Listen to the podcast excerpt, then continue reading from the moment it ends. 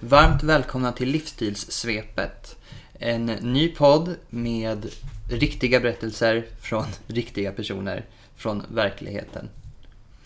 Och idag har jag ingen mindre än Pia Nyberg med mig.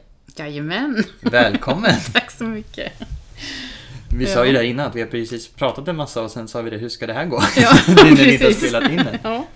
Ja, nu återstår att se. Ja. Ja. Ja. Jättekul att du vill vara med. men det var roligt. Jag sa ju det att jag bara får prata om mig själv en timme så Ja. kommer jag. eller en timme, eller jag vet inte hur lång tid det blir. Ja.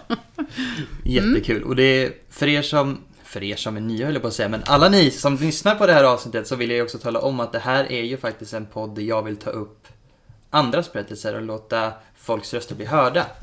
För att det är någonting jag har brunnit för länge och verkligen jobbat för att få fram folks röster. Och mitt namn är Albin Adell Sjöberg. Jag är egenföretagare och eh, bloggare och nu även då poddare och medlyssnare till alla fantastiska berättelser som komma skall under den här säsongen. Så återigen varmt välkommen hit Ja, Pia. men tack, tack. Du har ju också en väldigt fascinerande berättelse om ja, hur din start på livet var och den du är idag.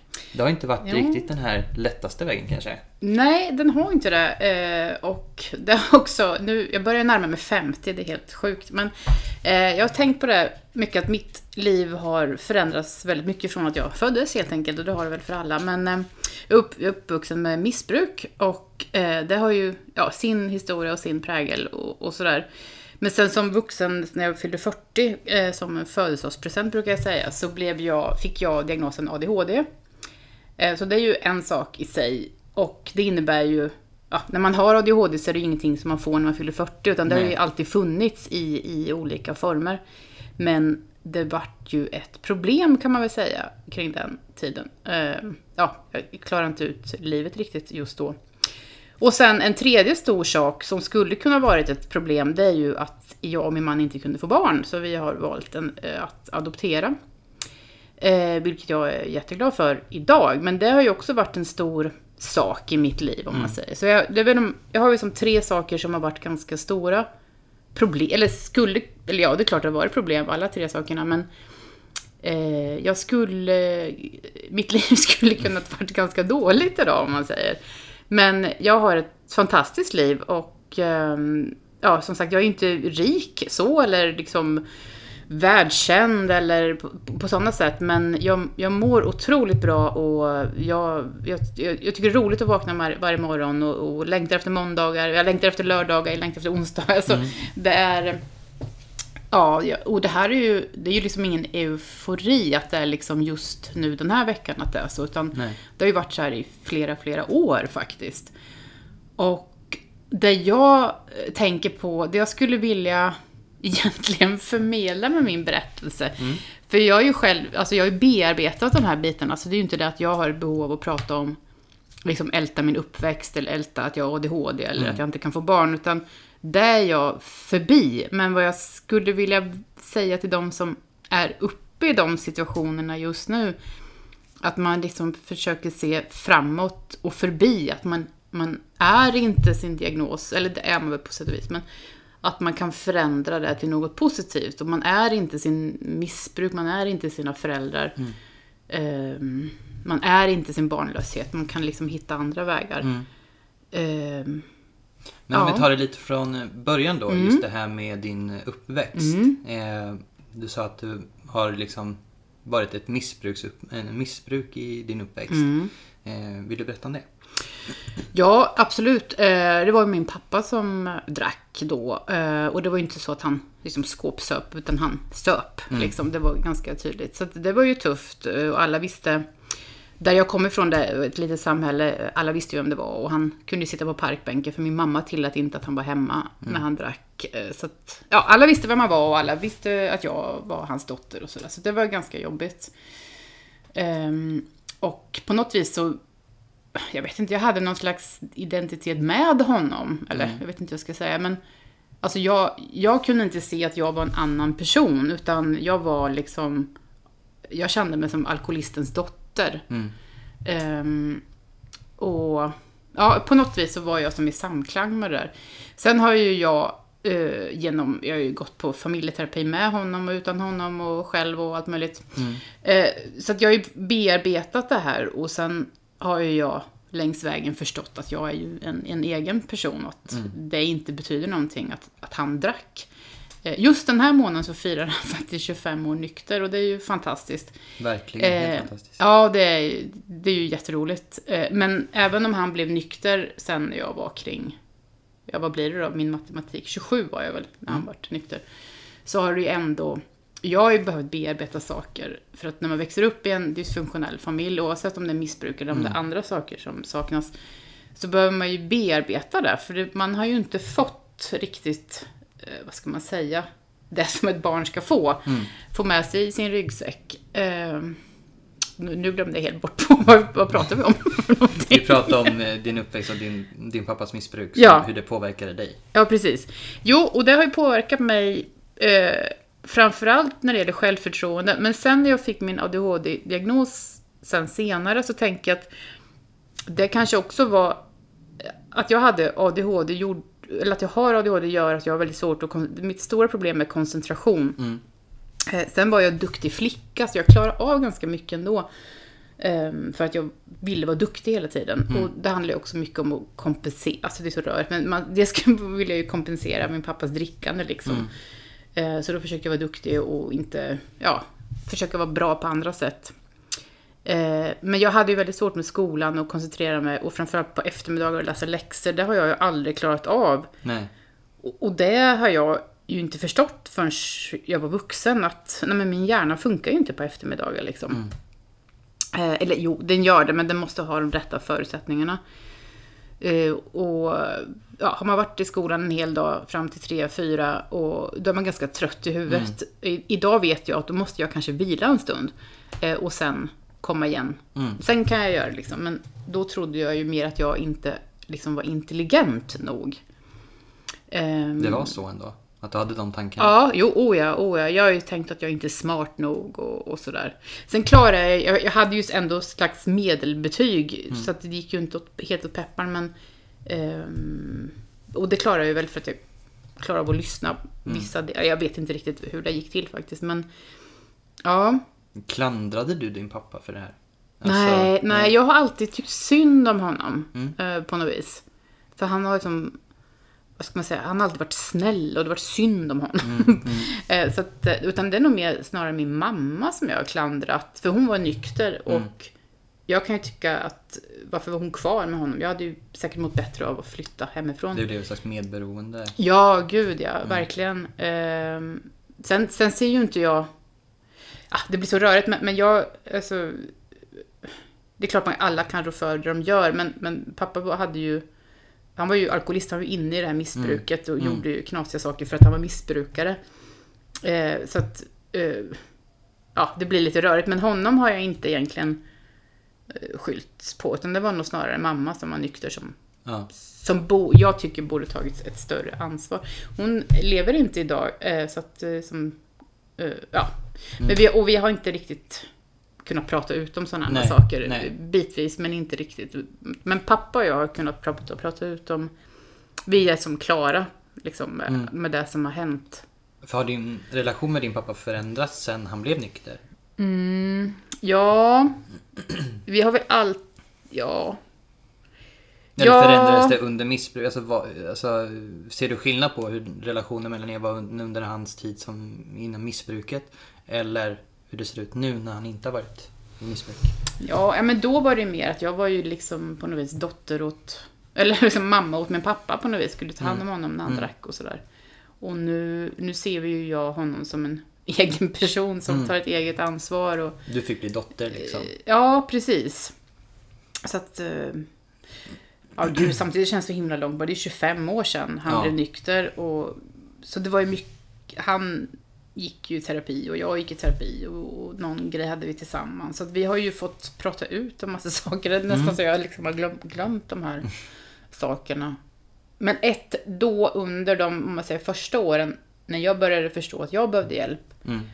då, då var ju jag på något vis också ett med medbero. Alltså, det var nästan så att jag presenterade mig för nya människor. Så här, Hej, jag heter Pia och jag är uppvuxen med alkoholism. Det var liksom viktigt för mig att berätta för folk. Och som en slags, jag vet inte vad, som en slags identitet. Och det är ju så, det tänker jag ju nästan aldrig på idag. Mm. Utan jag tänkte på det idag när jag åkte hit, liksom att just ja, gud, det finns ju en annan verklighet. Eller det finns ju, jag har nästan glömt bort de här Ja. åren, även fast det ändå var hela min uppväxt fram till att jag var 27. Liksom. Mm.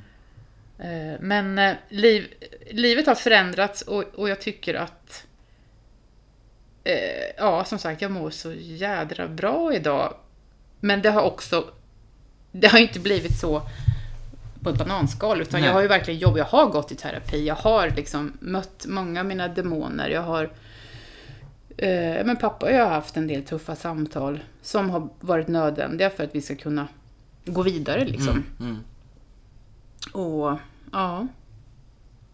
Och med tanke på att du fick liksom tänka efter lite så, är det så att du känner att liksom du kan fortfarande tänka på de här tillfällena som en liksom, utveckling eh, och kanske liksom se, alltså det är okej att prata om det. Du är ju här och pratar om det vilket är väldigt, väldigt eh, häftigt och väldigt kul att höra. Även fast det var en del av en tragisk uppväxt så.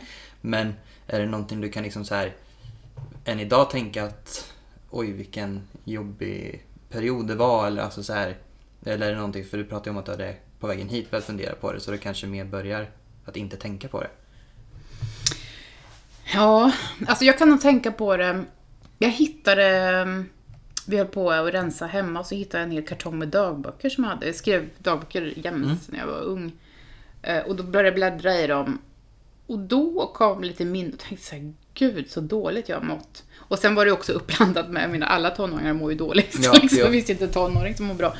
Eh, Det var ju även sånt vanligt tonårs, liksom så här. Eh, Och sen var det ju pappa liksom. Mm. Och, och, och säkert saker med min ADHD som jag inte förstod då. Mm. Ehm, så då blev jag liksom påmind och där har jag funderat på om jag ska göra... För jag har, liksom, det är inte känsligt längre och, och pra, Jag kan både prata om det och inte Mm. prata. Alltså jag har Mm. inget...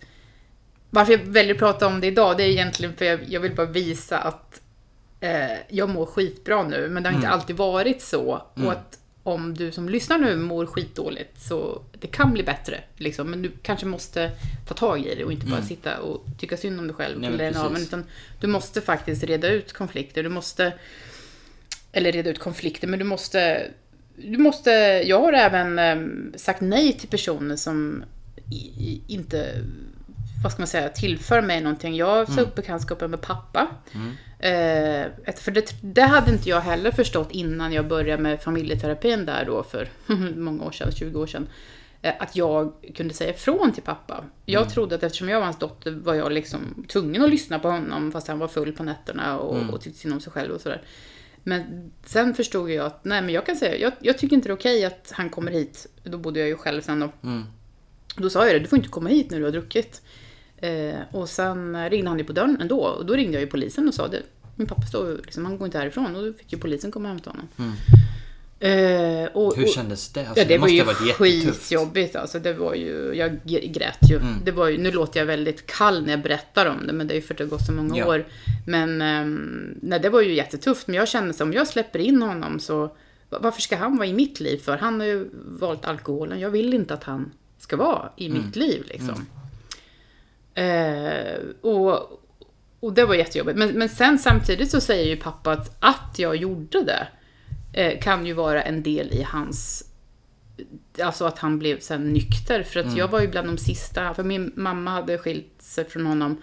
Min farmor hade dött. Det var ju de som liksom hjälpte honom. Mm. Medhjälp. Eller de, han drack ju själv. Han förde Ja. ju flaskan till munnen själv. Men alltså, sen var han själv liksom. Mm.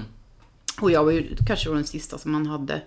Och då fick han ju, ja, för han, han har ju sin egen historia, men, men som han säger, och Ja. vart ju ett uppvaknande liksom. Han behöver ju faktiskt inte dricka, han kan ju välja Mm. ett annat liv. Och sen har han som blivit nykter då. Men det har varit jättetufft, men Eh, och det var likadant, eh, min mamma och jag, vi hade ju väldigt svårt att prata om de här åren. Och jag, sen kände jag att vi bara sårar varandra. Varje gång vi pratar med varandra så ska den ena skälla på den andra och sådär. Och så då sa vi, vi kan inte umgås mer för att vi gör bara varandra illa. Mm. Och sen dog hon, eh, utan att vi hade pratat ut. Och det är ju någonting som jag får leva med. Och samtidigt, ja men hade vi fortsatt att umgås så hade vi fortsatt att såra varandra. Eh, så att, men för mig har det varit en, en viktig del för att kunna må bra. För att faktiskt säga nej till människor. Ehm, för jag träffar ju folk som är insyltade i människor som inte mår bra och som inte vill må bra och, och så fortsätter man ändå försöka hjälpa de här människorna fast de inte vill ha hjälp och så vidare. Och så, men säg ifrån då. Så Liksom, svara inte på telefon. Eh, öppna inte dörren. Ja, det är lätt för dig att säga. Ja, det är faktiskt lätt för mig att säga. För jag har sagt nej till de två människorna som har sårat mig eh, väldigt mycket. Och ja, för mig var det en lösning i alla fall att gå vidare. För att mm, Ja, jag valde att, att ta de besluten för att jag mådde dåligt. Jag tänkte på, vi pratade förut om det här med att du men i så fall klandrar din mamma. Mm. Eh, mm, förändrades det när hon dog? Nej. Nej. Du liksom, det gick inte att släppa eller förlåta det liksom Nej. efter det. Utan det finns fortfarande kvar Ja. som en del i din historia. Ja, det gör det faktiskt. Eh, för jag tycker att jag var barn då och hon var vuxen. Så att jag, eh, hon borde ha tagit beslutet att det inte är bra för ett barn att, växa upp med en alkoholist. Hon, Jag tycker att hon borde ha flyttat därifrån. Tidigare än vad hon gjorde. Ja, för att hon skildes ju efter jag flyttade hem, eller ja, ungefär när jag flyttade hemifrån. Eh, och hon menar ju att ja, men hon ville bo med pappa för att jag skulle ha honom, liksom inte växa upp ut, utan en pappa. Eh, samtidigt, hon var ganska ung förälder, hon var 22 när hon fick mig. Mm.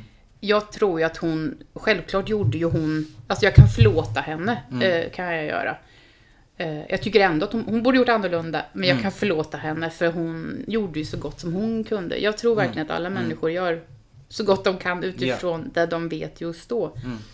Eh, och jag gör också fel som förälder, det är jag helt säker på, eller det vet jag att jag gör.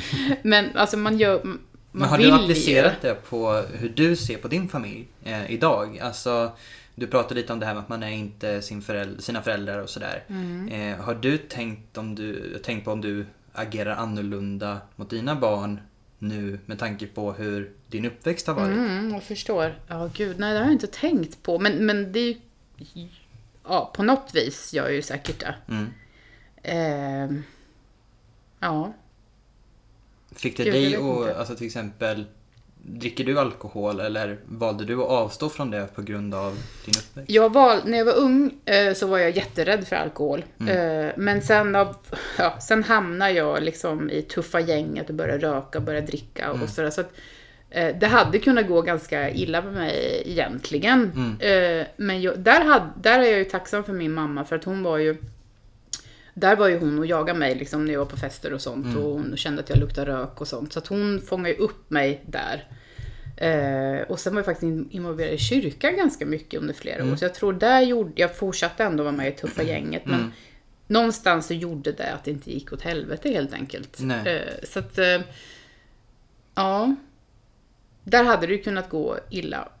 Och, men idag dricker jag alkohol, det gör jag.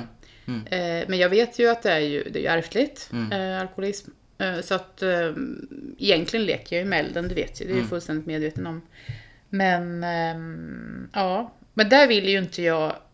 Alltså barnen vet ju att jag dricker vin, det har ju de sett att jag gör. Men eh, för mig skulle jag tycker, jag... Jag tycker inte om om vi är i sammanhang, vi- har varit där några gånger, där, där folk blir riktigt berusade. Då går jag därifrån med barnen, för de, det ska inte de behöva nej, se. Nej. Eh, men eh, det är ju inte så att vi har liksom noll alkohol hemma. Alltså vi dricker alkohol hemma, Mm, det gör vi. mm. Absolut. Men fylla tycker jag inte barnen ska. Liksom. Uppleva Nej. så. Nej. Det får komma senare i livet. Ja, precis. Det får de utforska själva sen. ja. Men jag tänkte också på om vi ska gå in på det här med eh, din vuxen-ADHD. Mm. Hur, hur kom det sig att du började fundera i de tankarna och söka för det helt enkelt? Eller vad sökte du för? Mm. Ja, precis. Allt möjligt ska du veta. eh, nej då. Men, eh, ja, men för det första så trodde jag nog, eller jag trodde för då sju, åtta, nej vad är klockan höll jag på att säga, men vad är det nu? Jag fyllde 40, det var för åtta år sedan. så trodde jag nog att ADHD det var en- kille som hänger i gardinerna och inte kan sitta still. Så trodde jag att ADHD var. Eh, så att, och sen träffade jag en person som har ADHD som sa så här i förbifarten, så här, nej men det är, jag är så för jag har ADHD och jag är så för jag har ADHD. Så började jag tänka så här, men gud vad jag lik jag är henne. Mm. Men jag trodde ju ADHD var den här liksom gardinklättraren. Mm. Och så, ja, så la jag väl det där bak i bakhuvudet. Eh, och sen i samband med det så, eh, ja, jag har jobbat som lärare på gymnasiet och i, i den vevan ungefär så, så kraschar jag helt enkelt som lärare. Mm. Som så många andra gör. Eh, och någonstans där, och så blev jag som deprimerad och och så. Och någonstans där så började jag känna att, men gud, det här är ju för att jag har ju ingen stoppknapp liksom. Och livet hade funkat egentligen tills dess, men då var det att vi fick vårt, hade hämtat vårt andra barn. Eh, vi hade adop- adopterat två stycken. Mm. Eh, och livet funkade ganska okej innan jag hade barn överhuvudtaget. Mm. Eh, och sen när vi fick ett barn så funkade det hyfsat, för jag jobbade inte riktigt heltid och sådär. Mm. Men jag började någonstans känna där så här, gud ska man vara så här trött eh, och liksom ha barn, liksom att livet börjar sakna någon mening på något vis, Mm. att man bara, ja, så här, som en urvriden trasa hela tiden.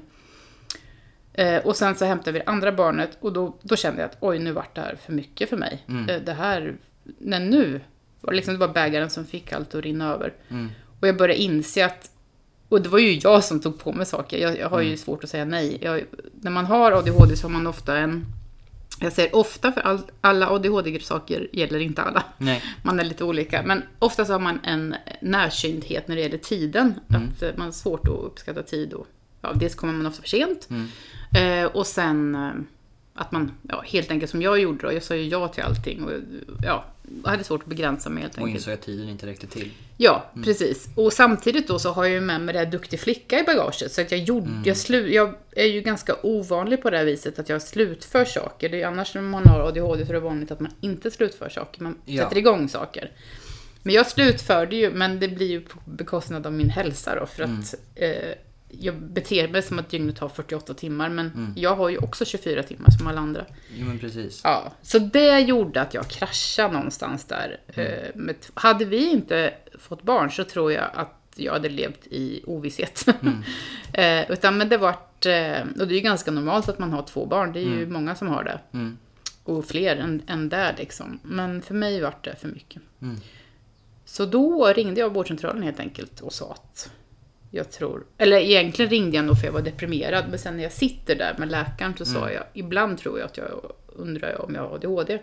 Och så fick jag förklara och ge exempel och sa att ja, det skulle kunna vara så. Och så satte hon igång en utredning då. Mm. Och hur var det att vara i den processen? Alltså, det känns Just- som att den är, den är ganska lång. va? Nej, den Nej. var inte, alltså just, jag vet inte hur det är i Linköping idag, men då alltså sju- 72, det är då när jag vad kan det varit, vad heter det, 2012. Ja. Just då gick det väldigt fort. Eller så hade läkaren någon slags snabbbiljett för mig. Jag vet faktiskt Mm. nej, inte varför. nej. Men jag tror, det är lite diffust i min... För jag mådde också väldigt, väldigt dåligt. Jag var ju som deprimerad också, så det är Mm. lite diffust. Men jag tror det gick på... Jag för mig att jag var inne ja, typ mars-april och i Mm. augusti fick jag min diagnos då, så det gick jättefort.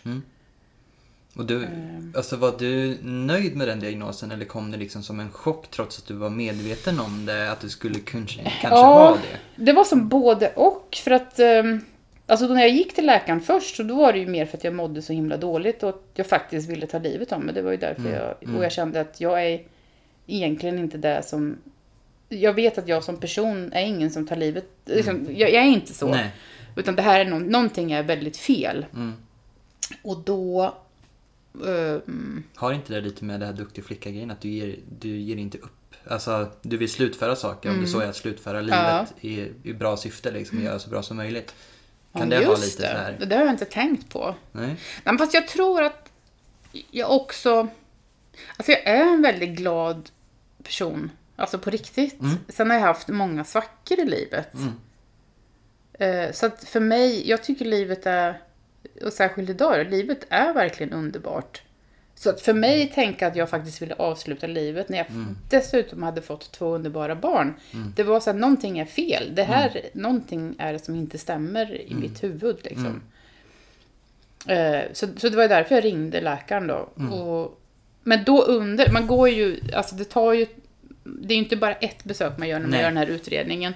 Utan man får ju gå på flera samtal och, och liksom man gör olika tester, koncentrationstester och sånt. Mm. Och sen någonstans, där kommer jag ihåg att jag tänkte så här, men gud, tänk om jag inte har ADHD. Vad fan är det då? Ja. Vad är felet då liksom? För så här kan Du man... kände att det var något fel liksom? Ja, någonting kände jag så här att, vad är det då? Varför är jag då så himla konstig liksom? Så att när jag väl fick sen då diagnosen, då, då kunde jag känna att, eller först var det nog en chock, men sen kunde jag också känna att, men gud vad skönt, det här förklarar ju väldigt mycket varför jag liksom har känt, ja, gjort saker som är lite udda och känt mig udda och så. Så jag är väldigt glad för diagnosen. Oftast så är det ju så att man sen får medicin. Eh, och, men jag sa att jag ville prova utan medicin först och hittills så har det funkat. Eh, men det är ju liksom inte... Det är liksom... Det är ganska starka mediciner som man får. Eh, och vi har ju inte haft den här medicinen i speciellt många år. Eh, det finns inte så mycket undersökningar om dem. Så jag känner att jag, jag vill prova utan. Sen förstår jag, full förståelse för de som ger, eh, tar medicin själva eller ger sina barn medicin. För att samhället är ju uppbyggt på att vi ska passa in i en mall. Och speciellt skolans mall måste man vara på ett sätt. eh, Så att det kanske är enkelt, helt enkelt inte funkar utan medicin. Vilket jag tycker är tragiskt. Men det är den verkligheten vi har idag. För vi har inte möjligheten att ha en skola som är anpassad för alla. Även fast det heter så. Jo men Tjusigt. precis. Men hur, eh, hur bemöter du, eh, jag vet inte om du har fått dem, men mm, kritiker som inte tror på ADHD? Mm. Hur, har du fått eh, något så här, ja men jag tror inte på det här eller? Ja. ja hur, alltså hur tänker du kring den frågan? Mm. Ja, alltså det finns ju, och nu har inte jag källa på det här, men eh, det finns ju de som menar att, att man kan liksom röntga hjärnan och se att det finns, liksom man kan se på hjärnan att det har en viss struktur. Eller att snarare dopamin, serotoninhalten, de här signalsubstanserna, att det är vissa eh, nivåer hos de som får ADHD. Eh, som skiljer sig från de som inte har ADHD. Sen tänker jag att, eh, så att jag tror, alltså jag tror så här, eh, och det vet jag att Anders Hansen, han som har skrivit Skärmhjärna och, Just det. och där, han har också skrivit ADHD någonting, någon bok om ADHD. Men han är ju inne på, och väldigt många andra, att egentligen handlar det om att det är en skala. Att alla har eh, drag av ADHD, fast man har mer eller mindre. Mm. Jag gjorde lite research innan Ja. det här. Och eh, stress är ju en sån Mm. sak som går in i ett av kriterierna för ADHD. Vilket skulle kunna göra att 100% av alla arbetande människor idag Mm. har ADHD i någon form. Eh, och jag kom även in på en forskare som har skrivit ADHD doesn't exist. Mm. Som är att, som handlar om att han, alltså han tror verkligen inte, han har forskat och tror verkligen inte att det är det man, man gör fel. Man ska inte fokusera på en så bred diagnos. För att då kan man sätta in alla. Utan vill man hjälpa dem som faktiskt har problematik. Och det är det han verkligen poängterar, att man pratar om problematiken, man pratar inte om ADHD. För att han tycker att, för det här var en amerikansk forskare som tycker att man använder det väldigt mycket. Som säger, men jag har ADHD så jag kan inte göra det här. Eh, och där ville han liksom prata mer om att det är kanske snarare så att man ska prata om problematiken med koncentration till exempel. Eh, att man ska gå in på dem och hjälpa människor. Eh, men är det någonting som du kan säga, Jag känna kan- till att du har hört? Jo, eller sådär? jo och det ringer en klocka. Och jag kan eh, på ett sätt hålla med honom. Sen tänker jag så här att det kan vara hårklyverier om man pratar om... Jag, jag tycker, varför kan man inte kalla de som har problem för ADHD, för det blir mycket enklare. Samtidigt så tycker jag att han har helt rätt, för att jag, jag tror ju verkligen att vi... Eh, min ADHD innebär en del problem, men det innebär också en hel del styrkor som jag idag har anpassat så att mitt liv funkar skitbra. Eh, men då, och, och så, jag tycker det blir fel för det är många människor som, eh, som faktiskt använder sin ADHD-diagnos på ett, tycker jag, eh, knäppt sätt. De säger så här, nej men jag, jag kommer för sent för jag har ADHD. Ja, fast du kan ju faktiskt hitta verktyg till Jag som du vet, innan Ja. vi satte igång podden så har jag larm Ja. på min klocka. Och det, det har ju blivit ett verktyg för mig. Jag sätter larm för jag vet att jag har ADHD, jag glömmer bort saker. Jag är disträ, jag kan liksom inte fokusera. Nej. Men genom att jag har larm så klarar jag mig. Mm. Och likadant, jag vet att jag är skitdålig på att komma tid. Mm. Jag vet att min man, eh, som inte har ADHD, är bra på att komma tid. Så att vi, förut kanske vi bråkade mer om det. För jag tyckte att han skulle liksom fara iväg så himla tidigt på saker. eh, men det var ju för att jag var ju inte van vid att komma i Nej, tid. Jag nej. visste inte riktigt hur man skulle göra. Har Så han då- hjälpt dig mycket? Ja, men, men idag Ja. vet jag så här, vi ska åka iväg. Om han säger att vi ska åka halv, jag tycker vi ska åka tio i, men han Ja. säger halv, då, då bråkar inte jag om det. Utan Nej. Mm. då litar jag på att ja, men, jag har ju inte, han är bättre på det än vad jag är. Och idag så vet jag att, ja, men som när jag skulle åka till dig idag, Mm. då får jag sitta och räkna baklänges. Alltså jag får sitta med papper och penna, Mm. medan andra kanske har det, eller jag antar att andra har det mer automatiskt, jag vet inte hur andra gör. Och idag kom det faktiskt prick. Jajamän! Ja. Men det är ju för jag har en metod, alltså jag Ja. har ju ett verk. Ja. Jag måste sitta med papper och penna. Så Ja. Parkering, kanske biltrafik. Ja Mm. men liksom, jag får ju lägga ihop de här och räkna baklänges. För annars kommer jag, annars hade jag kommit tio Ja. över. För det Ja. gjorde jag förr, kom jag Ja. alltid för sent. Så att jag tycker att jag tycker, om man säger så här, för att göra det enkelt så tycker jag att det är bra att alla som har de här problemen, för det handlar ju om koncentration, impulsivitet och någonting mer Mm. som jag inte kommer på just nu. Det kommer. Eh, Ja, det, nu tappar jag det också. För nu, Ja, precis. och då har jag ändå gjort research. Ja, men precis. Uh, impulsivitet, koncentration. Hyperaktivitet. Ja, hyperaktivitet. Ja. Precis, de tre sakerna. Mm. Och ehm, som är som grund, grunderna till för att få diagnosen. Mm. Eh, men jag tänker att om man har... Och det, det sa förresten, för det sa läkaren när Mm. jag sa så här, men vad, vad, är, vad ska jag göra om jag inte har diagnosen? För jag har ju fortfarande de här problemen. Men då sa ju hon så här att skulle det vara att du inte fyller alla de här tre kriterierna så kan du ju ändå kolla på, för det som är mest uppenbart för mig det är mina koncentrationsproblem. Då kan jag ändå ta verktygen som man ger till de som har ADHD, liksom, som äh, med, med koncentrationsproblemen att göra. Ja. Eh, så det tyckte jag var ganska bra, alltså vettigt sagt av henne. Mm. Eh, eller det var mycket hon sa som var vettigt och inte så jag menar. Men eh, så för mig vart det som, ja just det, jag kan ju få hjälp även fast jag inte får på papper att jag har alla tre. Mm. Ehm, så att jag, jag tänker att egentligen, jag, bry, jag måste inte säga att jag har ADHD, men Nej. mitt, liv, alltså när jag fick det på papper så var det mer så här, men gud, jag är inte dum i huvudet. Det var därför jag inte pallade att göra läxor. Det är därför min universitet, min, jag, en, det är jag ju jäkligt stolt över. Jag är ju gymnasielärare, legitimerad. Det är alltså över fem års universitetsstudier. Men vägen dit har ju varit väldigt krokig. Jag hoppade ju av gymnasiet, Ja. sen gick jag på komvux och sen läste jag någon fristående kurs här, någon fristående kurs där. Så det har ju tagit mig eh, kanske tio år att få ihop en femårig utbildning. Men, men det är ju för att jag för det första inte fattat att jag hade koncentrationsproblem, så jag har ju fått göra om tentor, jag har ju fått, jag menar alltså det har ju hade jag vetat det här från början så hade jag lagt upp mina studier på ett helt annat sätt. Så jag, det har ju varit mycket kämpa. Mm.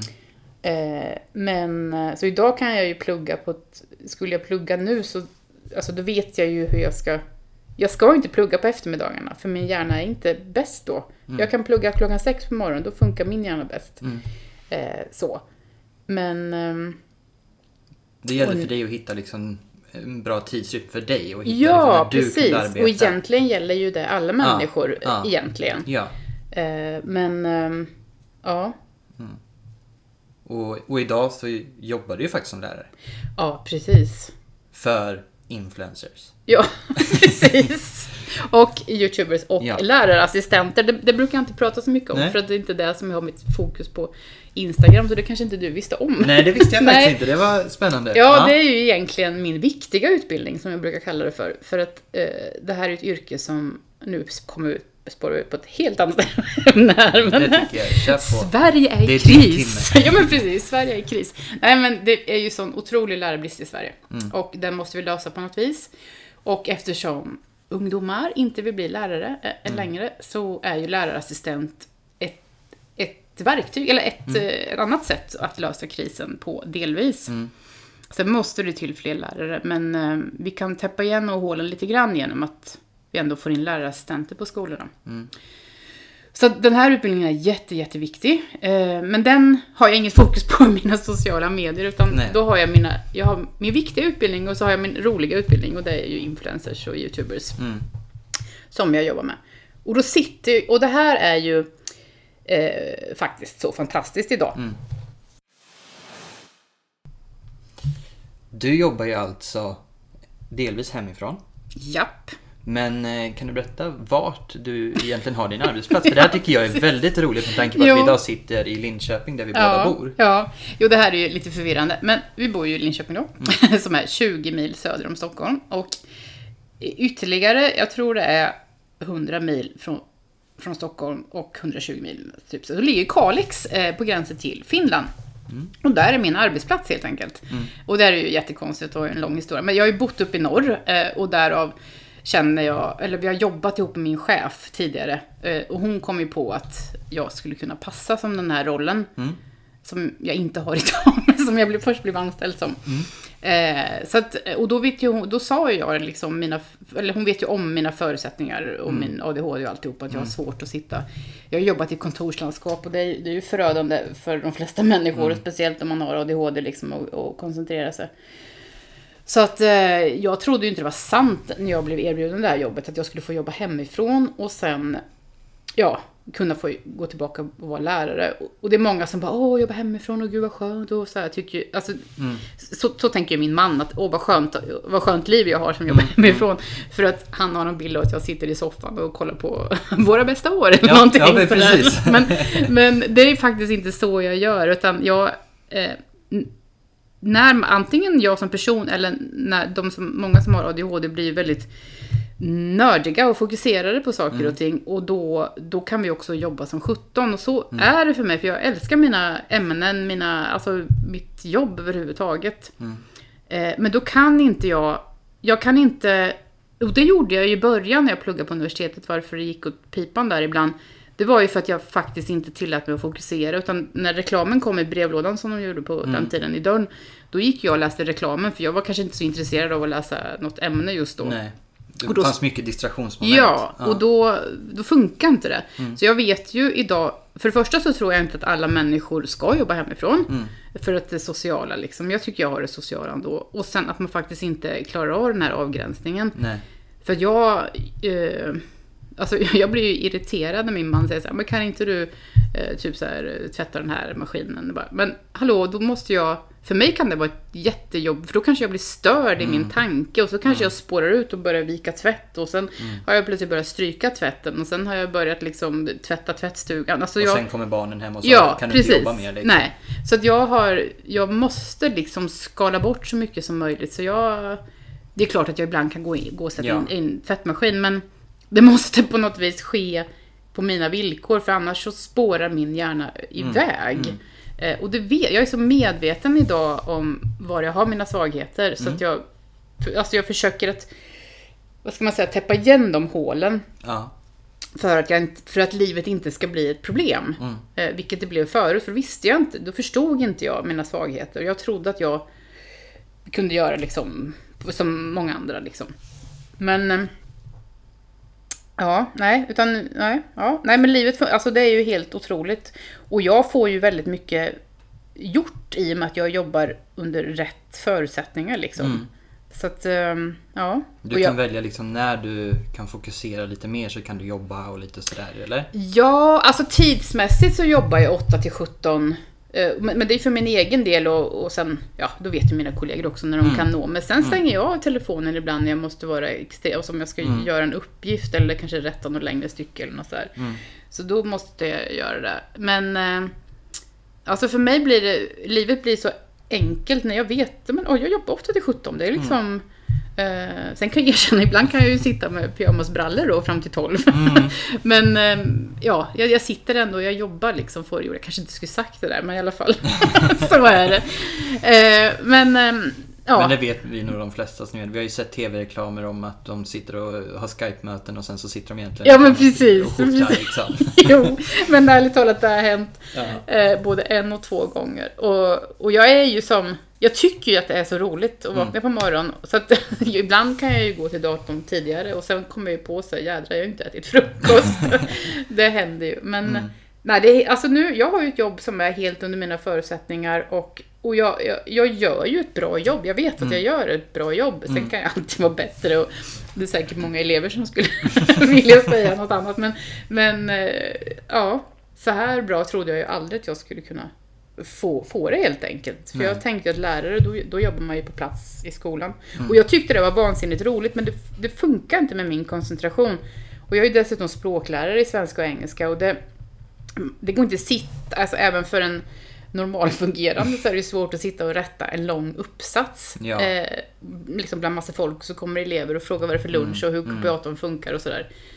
Eh, och då jag som har koncentrationsproblem också, det blir ju helt förödande. Mm. Det kan jag verkligen förstå. Det är, jag tycker det är jätteintressant att du berättar det här idag. Eh, nu gjorde jag största misstaget av att ha på ljudet på datorn. Eh, men eh, vi bjuder på det. och jag tänker också, du, du är väldigt öppen och Mm. På din Instagram har du ju varit otroligt öppen också med, om ditt liv. Eh, och det sådär. har jag kanske jag till. tycker jag så här. Men sen gjorde du en liten så här förändring. Ja. Där du plötsligt bara så här.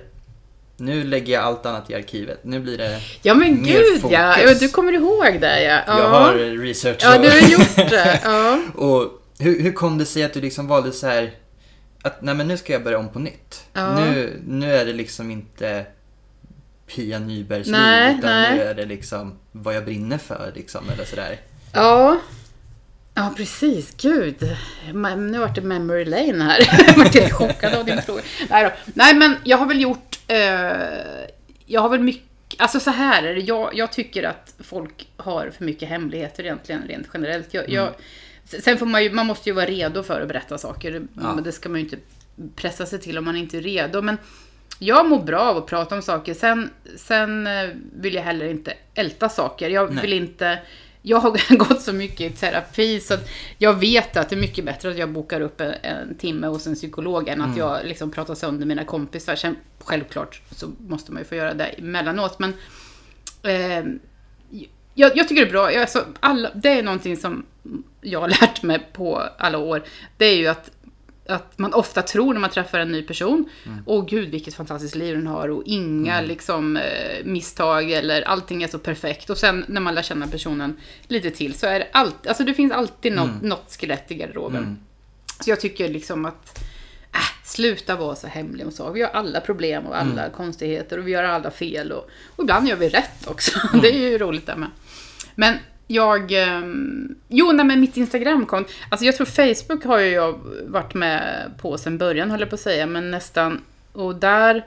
Där har ju jag mer mina liksom, privata vänner och, och sådär. Och där är jag också väldigt öppen. Och, och där är ju allting hipp som happ och lite dagbok och lite sådär. Men sen jag... Eh, Instagram ändrar jag.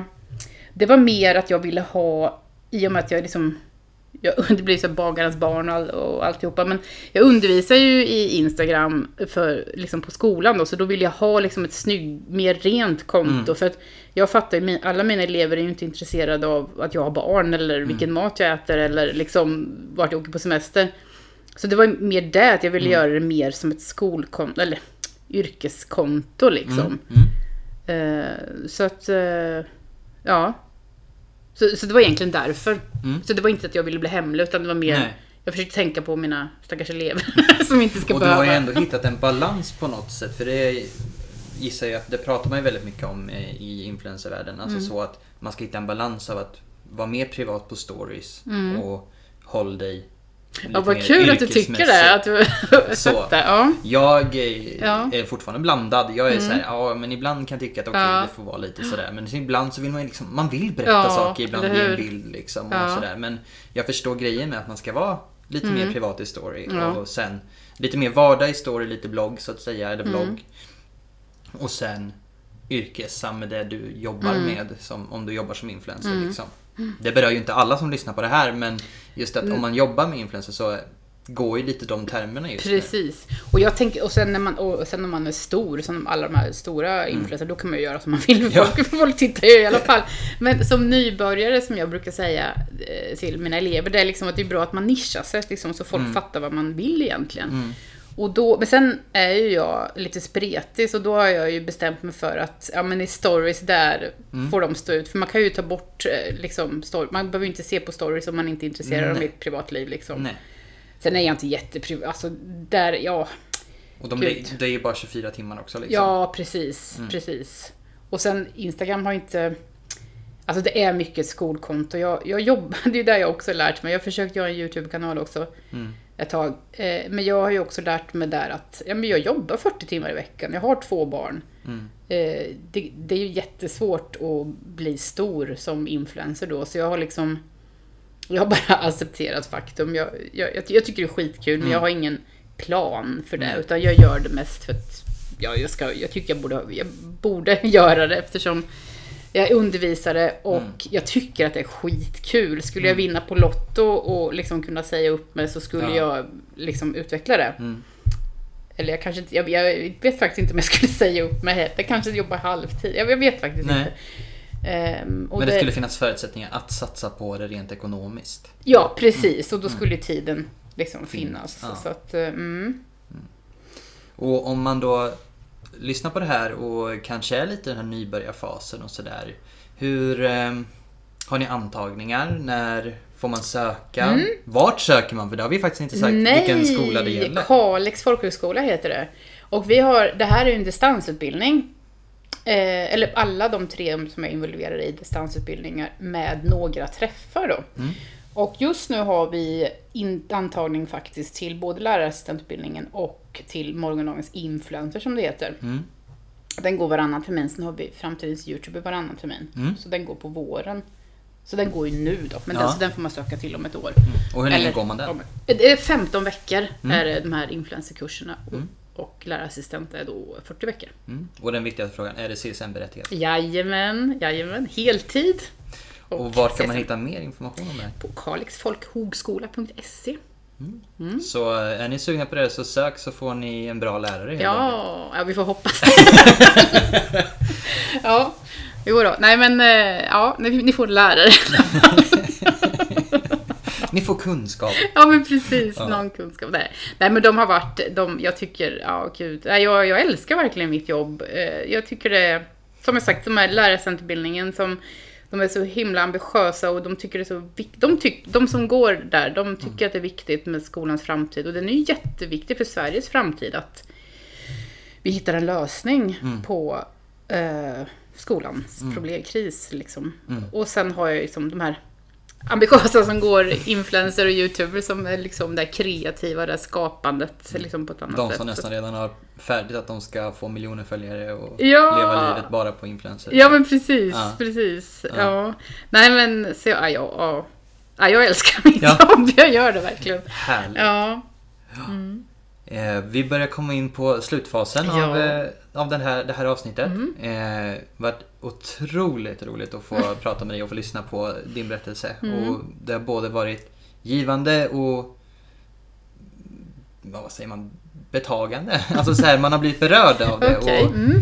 eh, verkligen så här, få se en inblick i ditt liv. Eh, och det är faktiskt första gången vi träffas. Mm. Ja, För vi, eh, vi har ju haft kontakt ganska länge i Ja. och med att jag jobbade med Influencer of Sweden. Just I det. samband med att du jobbar uppe på Kalix. Just det. Eh, Ja. och lite så. så vi har ju ändå funnits i varandras liksom, eh, sociala liv på Ja. något sätt. Och nu äntligen får vi till det här. Precis. Eh, och Ja. jättelärorikt. ja, vad roligt. Ja. Vi, jag eh, satt här nu och så funderade på att vi har ju glömt ta upp ett av de här tre stegen som du pratade om i början av Ja. programmet. Och det har ju lite med att du adopterade ju två barn. Ja, precis. Eh, eller jag och min man. Ja, ja. Han var också Man med på ett två lit, kanske. litet hörn. Man Där, får där, ju I det här fallet så själv. Ja. kanske vi inte ska glömma bort din man, för han ju delaktig. precis. Ja, jo, han är ju det. Ja. Nej, men och det var ju också en grej som många tycker är ju ett problem att de inte kan få barn. Och för oss var det ganska kort tid av jobbighet eller vad man ska säga. Utan vi bara konstaterade det händer liksom ingenting. Ska vi gå, och man kan ju göra olika så IVF och så här, konstgjord befruktning och allt möjligt. Eller vad ska vi göra? Eller, och sen funderar vi också ett tag på, så, eller, eller ska vi inte ha barn helt enkelt? Måste vi ha barn och sådär? Men ganska fort så bestämde vi oss för att adoptera och ja, det är ju naturligtvis det bästa vi har gjort i livet liksom. Så att, det, ja, Jag tycker det är en fantastisk möjlighet även för ensamstående nu. Ja. Att de också får möjlighet att kunna få barn. precis. Nej men det, ja. Det, och sen, ja gud det finns så mycket att säga om adoption också. Det är ju som ett helt eget program. Eh, program. För det är ju inte bara, det finns ju saker att tänka på där också. Och, Men var det självklart med adoption? Eller hade ni övervägt just IVF och sådana saker? Eh, nej, det, alltså vi, vi sa vi måste ju prata om det i alla fall, Mm, mm. nämna det sådär. Men jag kände så nej, vad ska jag proppa i mig massa medicin för? Och, och liksom, det är ju inte säkert att man blir med barn Nej. ändå. Nej. Eh, så att, nej. På så sätt är adoption säkrare. Ja, jo men det är ju så. Där Ja. får vi ju barn då, om man blir godkänd av utredningen då. mm. Socialen ska ju säga sitt. Men Mm.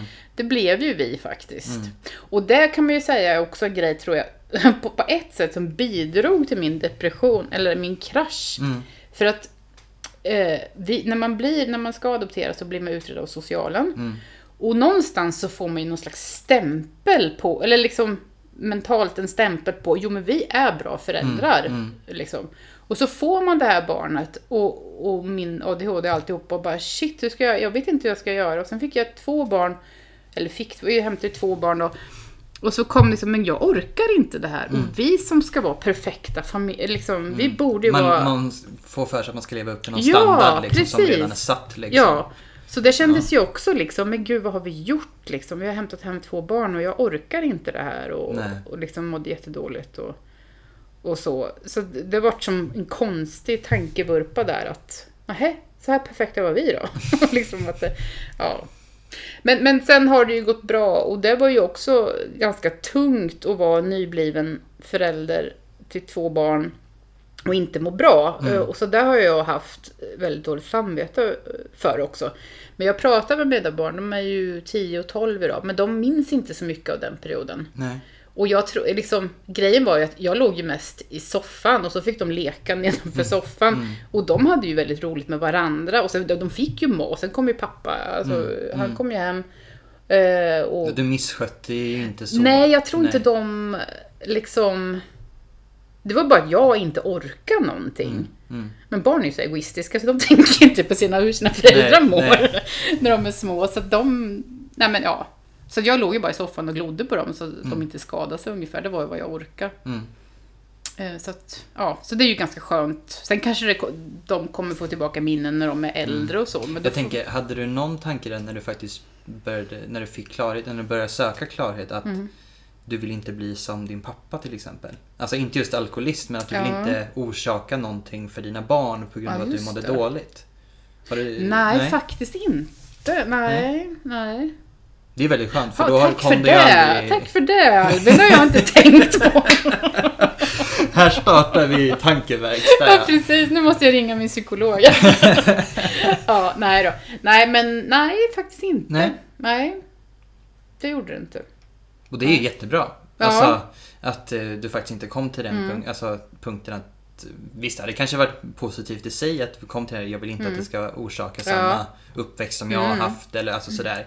Eh, men du har ju verkligen kommit så långt. Du har ju verkligen Du tog ju tag i Mm. dina problem. Ja. Och där du kände att jag orkar inte mer. Mm. Och du tog tag i det och som du säger, idag mår du liksom bättre än någonsin. Mm. Och Precis. förmodligen bättre än många, många andra.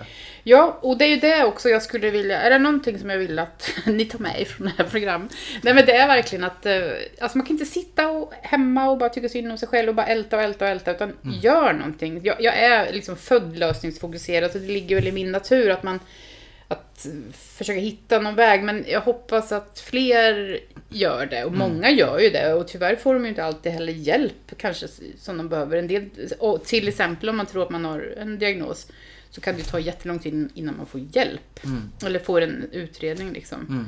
Men, mm, nej, jag, jag, ja, gör någonting åt saken. Vi lever ju bara en gång kanske. Eller vad vi vet i alla fall. Mm. Eller vad vi vet, ja. Ja, vad vi vet.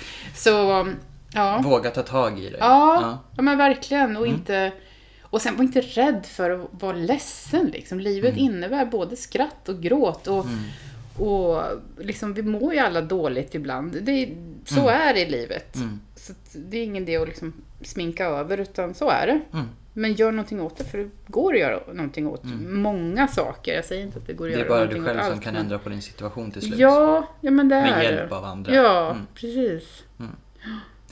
Ja. Jättekul att du ville berätta din historia. Och Ja. eh, vi ser fram emot att kanske göra en uppföljning om om ett tag. Ja, se vad som har hänt då. Ja, eller, precis. Om jag fortfarande sådär. är lika glad. ja men precis, vi vet inte.